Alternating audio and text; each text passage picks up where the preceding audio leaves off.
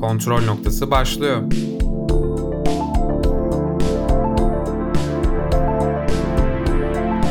Hoş geldiniz. Kontrol noktasından herkese merhaba. Ben Volga Deniz Demirbağ ve bugün Görkem Öztürk'le Parazit konuşacağız.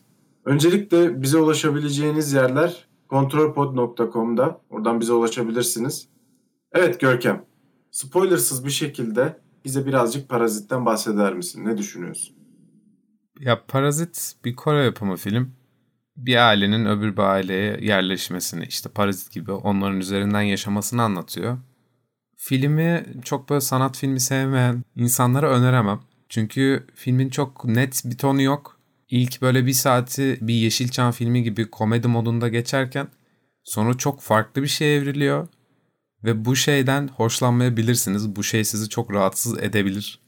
Genel olarak ama Kore yapımlarına uzak olan insanlar o ilk bir saatinden rahatsız olmazlar bence. Çekimler vesaire her şey çok iyi. Fakat hikaye sizi bir yerden sonra dediğim gibi pek fazla içine çekmeyebilir, rahatsız da edebilir. Herkese öneremeyiz. Bence prodüksiyonu çok da düşük bir yapım değil. Ne düşünüyorsun bu konuda? Ben bu yönetmenin Bon Joon-ho'ydu galiba adı.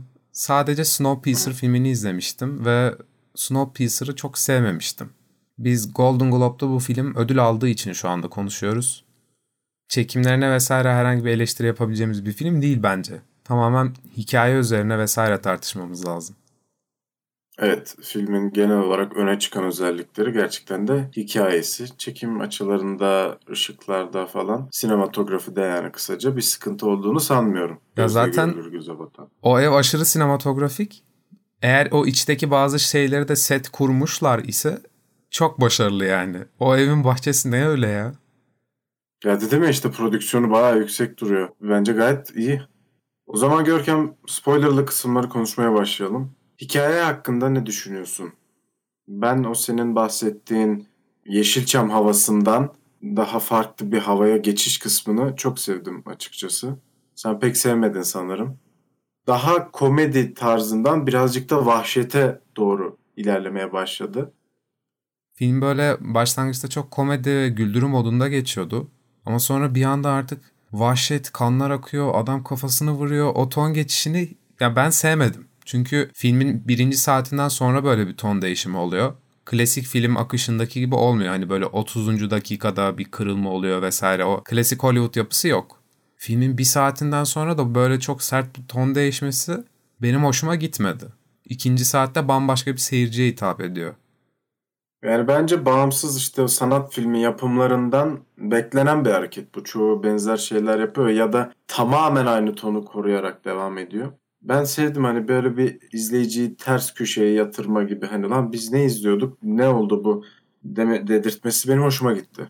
Ya ilk böyle bir aile sırayla parazit gibi yerleşmeye başladı ve hizmetçi geldi ya eve. Zaten hizmetçinin gelmesiyle böyle asıl kırılma yaşanıyor.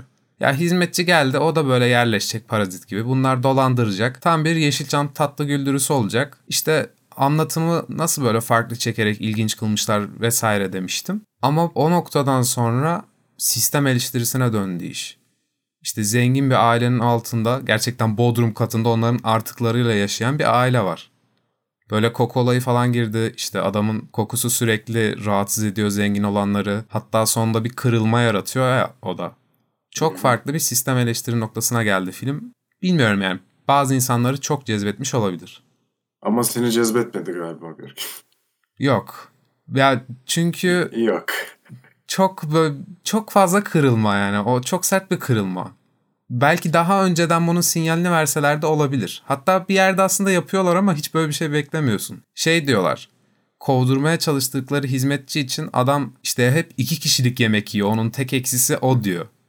Şimdi kadın o kadar şişman biri olmasaydı o eski hizmetli o zaman daha anlaşılır olur muydu sence? Bence daha iyi olabilirdi. Çünkü kadın hani iki kişilik yiyor gibi duruyor hakikaten fiziksel özellik bakımından bak. E, Diyalog olarak falan o noktada herhangi bir şey düşünmüyoruz. Hatta ben şeye baktım. Kadının kocası böyle altta her seferinde eve zengin olan herif geldiğinde kafasını vurarak böyle SOS sinyaliyle teşekkür ediyor ya. Evet ışıkla. Ben o karakter ilk girdiği zaman böyle bir şey yapıyor mu vesaire diye ışığa baktım. Öyle bir şey yok falan. Hani böyle bir detay kastılar mı diye düşündüm ama hiç yapmamışlar. Yok yok öncesinde yok. Yani herhangi bir şekilde öncesinde anlamak için bir ipucu bırakmamışlar. Aslında birazcık senaryo tembelliği diyebilir miyiz buna? Hani sinyal vermeleri lazımdı bence öncesinde biraz. Verebilirlerdi ama bilmiyorum ben bu haline sevdim ya sinyal vermemeleri. Ya sana birazcık böyle bir saat geçtikten sonra böyle bir kırılma yaşatması, bir saat izlettiği her şeyi yok saymış olmamızı gerektirdiği için mi bu hisse kapıldın sen? Aslında belirli bir saate kadar ben okeydim senaryoya. Hani vahşet dozu çok artmamıştı ve tamam böyle farklı bir yöne gidiyorsak buraya da varım demiştim ama benim tam olarak kırılmam şu. Fakir ailedeki anne hizmetçiye tekmeyi attı ve kadın yuvarlanarak düştü ya böyle. Öldü zaten Ha, hani kafasını orada. vurdu duvara. Yani öldü. Ölmedi orada ölmedi. Yani öldü ama ölmedi. O, o yüzden öldü ve hani o noktada şey oldum gerçekten. Abi hani neden böyle bir şey yapıyoruz? Film neden böyle bir noktaya gidiyor? O noktadan sonra zaten böyle müziklerle falan sürekli bir gerilim arttı ve film rahatsız edici bir noktaya da geldi. Çocuğun doğum günü partisindeki vahşet ya kesinlikle son noktaydı artık. Ondan sonra tekrar böyle bir hafif duruldu ama yani hakikaten tam bir kırılma noktasıydı. Bir anda bambaşka bir filme dönüştü. Ya bence insanların biraz etkilenmesinin sebebi de hani Kore'de izleyen bir insan olsaydım işte savaş zamanı sığınak yapmış bazı insanlar ve bu onların bir travması gibi biraz etkileyebilir. Veya işte arada Kuzey Kore'ye göndermeler yapıyorlar, laf sokuyorlar ya yani. Bu tarz şeyler onların daha çok anladığı, daha çok içinde olduğu durumlar. Biz biraz uzağız. O yüzden o kırılmayı çok beğenmedik ama onlar sevmiş olabilir. Ha bir yerden sonra çıkan o havada uçuşan kanlar vesaire bildiğim baltalarla giriyorlar ya neredeyse birbirlerine. Bence o da çok fazla insan rahatsız etmiştir izleyen. Ya sanat filmlerinden bir şey çıkardıysam Görkem şu ana kadar herkesin sevmeyeceği ama belli bir kitlenin de seveceği bir ters köşe yapıyorlar. Filmin yarısında olur, sonunda olur. Dikkat ettiyseniz şimdiye kadar herhangi bir karakter ismi söylemiyoruz. Çünkü karakter isimlerini akılda tutamıyoruz ve zaten pek bir çağrışım yapacağını da düşünmüyorum. Sana hangi karakterin adını söylesem hatırlarsın ki şu an Olga? Mesela Park Yeon-kyo'yu söylesen kim bilmez ki burada. Evet değil mi? Yani o yüzden işte fakir ailedeki anne ya da zengin ailedeki anne diye söylüyoruz. Anlayacağınızı düşünüyorum böyle daha çok. Çünkü öbür türlüsünü kimse anlamaz bence. Ya Korece biliyorlarsa. Ama ben bilmiyorum. Bu doğru. Görkem Korece bilmiyor. Neyse devam edelim. Filmle ilgili konuşabileceğimiz bir şu mevzu var. Taş. İlk başta arkadaşı bir kaya hediye ediyor ve hani işte bunu alan kişiye zenginlik geleceğini umuyor. Böyle bir rivayet varmış bu taşla ilgili vesaire deyip veriyor ya aile. Sonlara doğru çocuk şey diyor işte. Bunu yanımdan ayıramıyorum falan diyor. Aşağı kata öyle iniyor ve o bütün batıl zenginlik gelecek inancını kafasında parçalıyor yerde Evet. yaşayan adam. o, o çok güzel bir detaydı. O bildiğin fakirlere verilen umut değil mi? Onları böyle kafasında eziyor. Evet evet. Ya gerçekten sistematik bir eleştiri yani sisteme yönelik bir eleştiri söz konusu. Gayet de sert bir eleştiri söz konusu. Fakir ailedeki babanın koku mevzusuna artık bardağını taşıran son damlası olduğunu göstererek bir şekilde anlamış da oluyoruz belki. Ya o Yani- kayayı ama hani yanımdan ayıramıyorum vesaire diyor ama o noktaya kadar öyle bir şey görmüyoruz. O sadece bir anda çıkıyor böyle diyalogla. O bunu yanımdan ayıramıyorum. Biz film boyunca öyle bir şey görmedik ki. Sadece evlerini su bastığı zaman o kayayı aldı. Ama onun dışında öyle bir kayaya takıntısını vesaire görmemiştik. O çok bence sonradan çıktı. Ben birazcık bu yüzden eleştiriyorum. Bir sistem Yani çok eleştirisi... fazla işlemediler onu. Aynen. Bir sistem eleştirisi noktasına çok sonradan böyle zorlama evrildi biraz.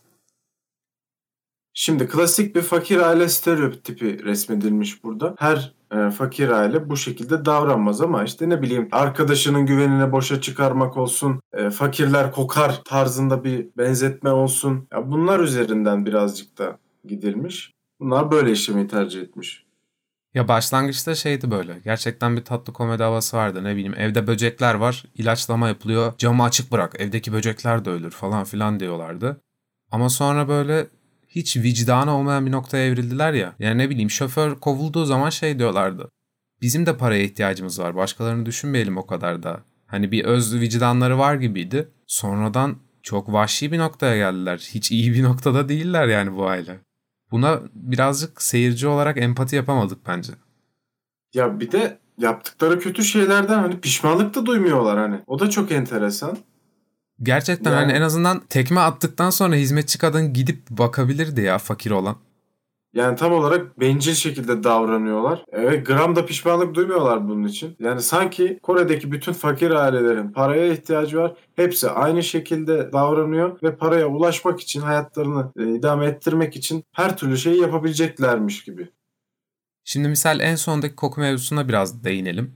Artık fakir ailedeki babanın kırılma noktası şu yani. Kızı ölüyor ve bakıyor ki biz bunların her işlerini yapıyoruz. Burada benim kızım ölürken o daha benim kokumdan tiksiniyor ya. Daha hani anahtarı alıp kaçma derdinde deyip öldürüyor.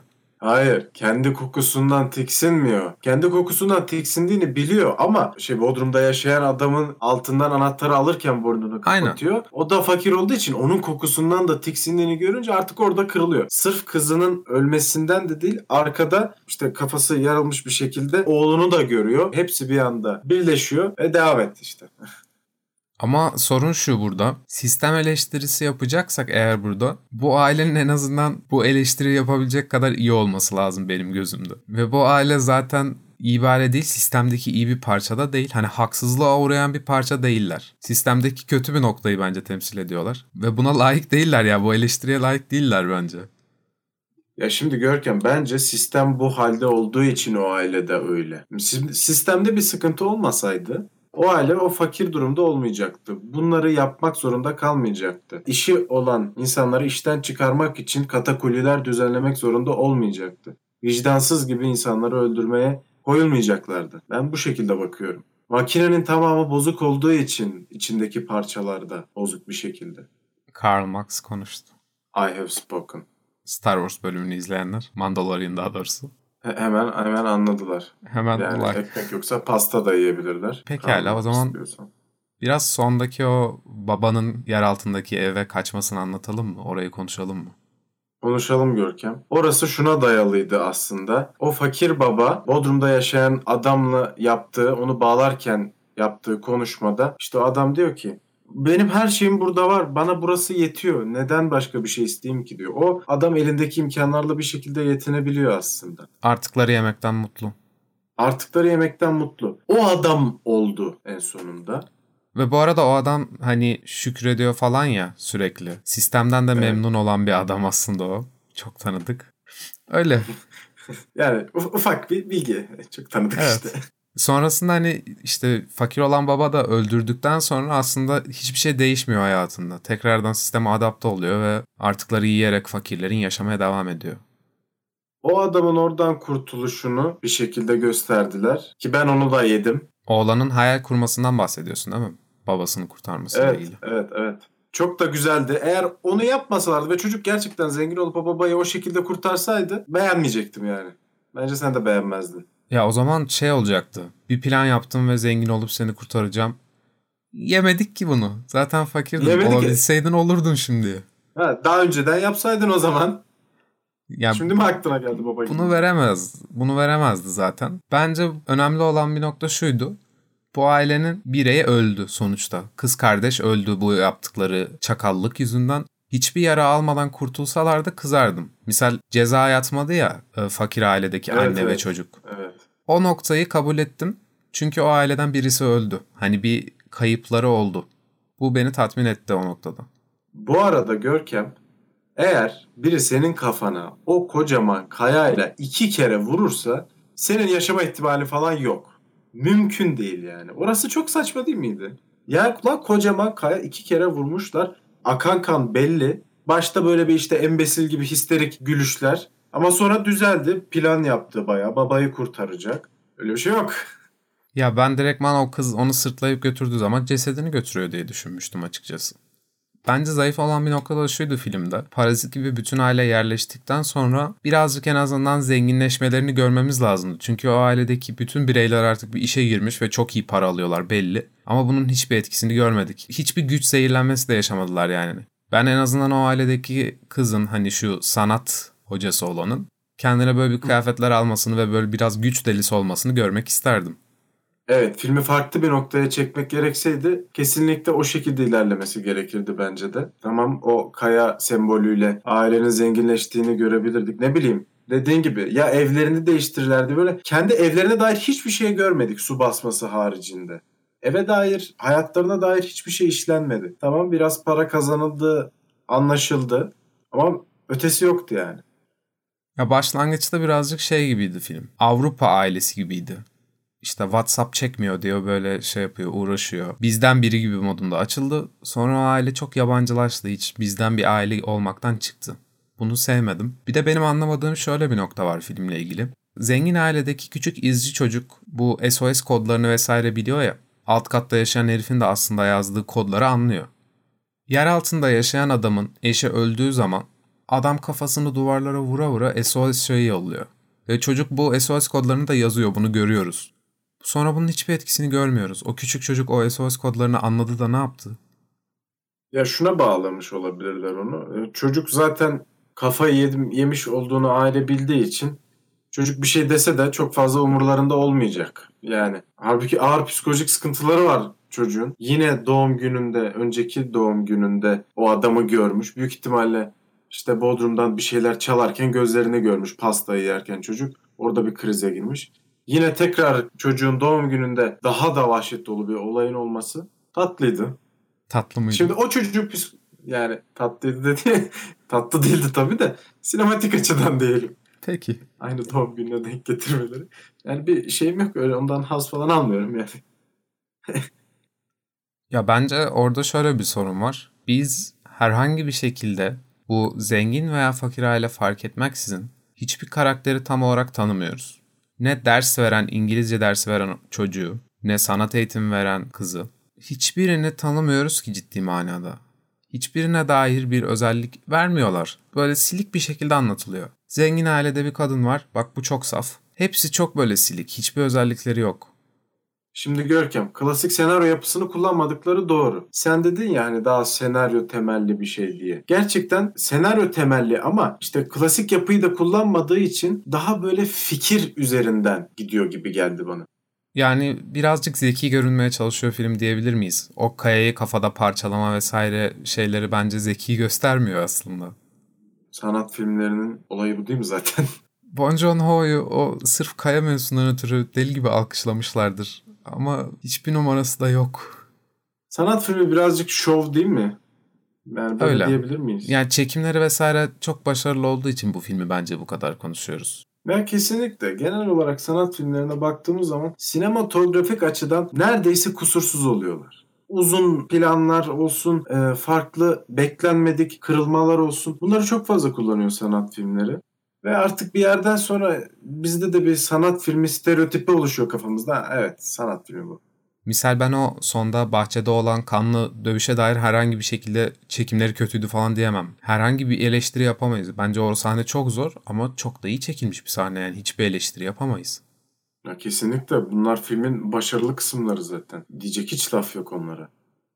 Ya ama şey çok vahşet değil miydi? Esas hizmetçinin kocası öldürülmüş, yerde yatıyor ve köpek gelmiş böyle ona batırılan mangal çubuğunu falan oradaki sosisi yiyordu. Evet evet ya evet. S- sınır sınır tanımamışlar ya. S- kesinlikle sınırsız bir şekilde vahşeti göstermişler.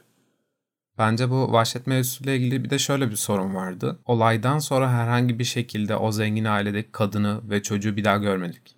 Birazcık onların tepkisini bence görmeliydik. Ya daha ne tepkisi göreceksin Görkem ya? Ya bütün hayatları mahvoldu. O kadının hiçbir tepkisini görmedik. Her şeyi abartan, her şeye bayılan, çıldıran. O kadının bence bir tepkisini, yıkılmasını görmek lazımdı. Bunun dışında söyleyeceğim başka bir şey var mı? Ha, sanırım çoğu şeyi konuştuk. Hayır, herhangi bir şekilde ekleyeceğim bir şey yok. Bize kontrolpod.com'dan ulaşabilirsiniz. O zaman Görkem şarkı önerini alalım. Bu ara hiçbir şarkı dinlemiyorum. O yüzden Tamam. Arkadaşlar Görkem'in şarkı önerisi yokmuş. Ben hemen şarkı öneriyorum. Hayır var. Daha önce dinlediğim bir şey söyleyeceğim ya. Tamam, ee, söyle. Mor ve Ötesi'nden Büyük Düşler. Şarkı aklıma gelmediği zaman her zaman Mor ve Ötesi kartım var. Evet. Görkem Mor ve Ötesi sapı arkadaşlar. Öyle. Bunu da söyleyelim şimdiden. Gerçekten Birazcık. öyle. Neyse. O zaman görüşürüz. Görüşürüz.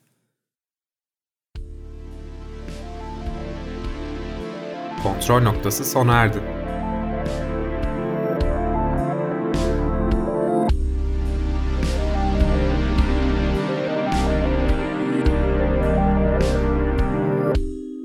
Hoşçakalın.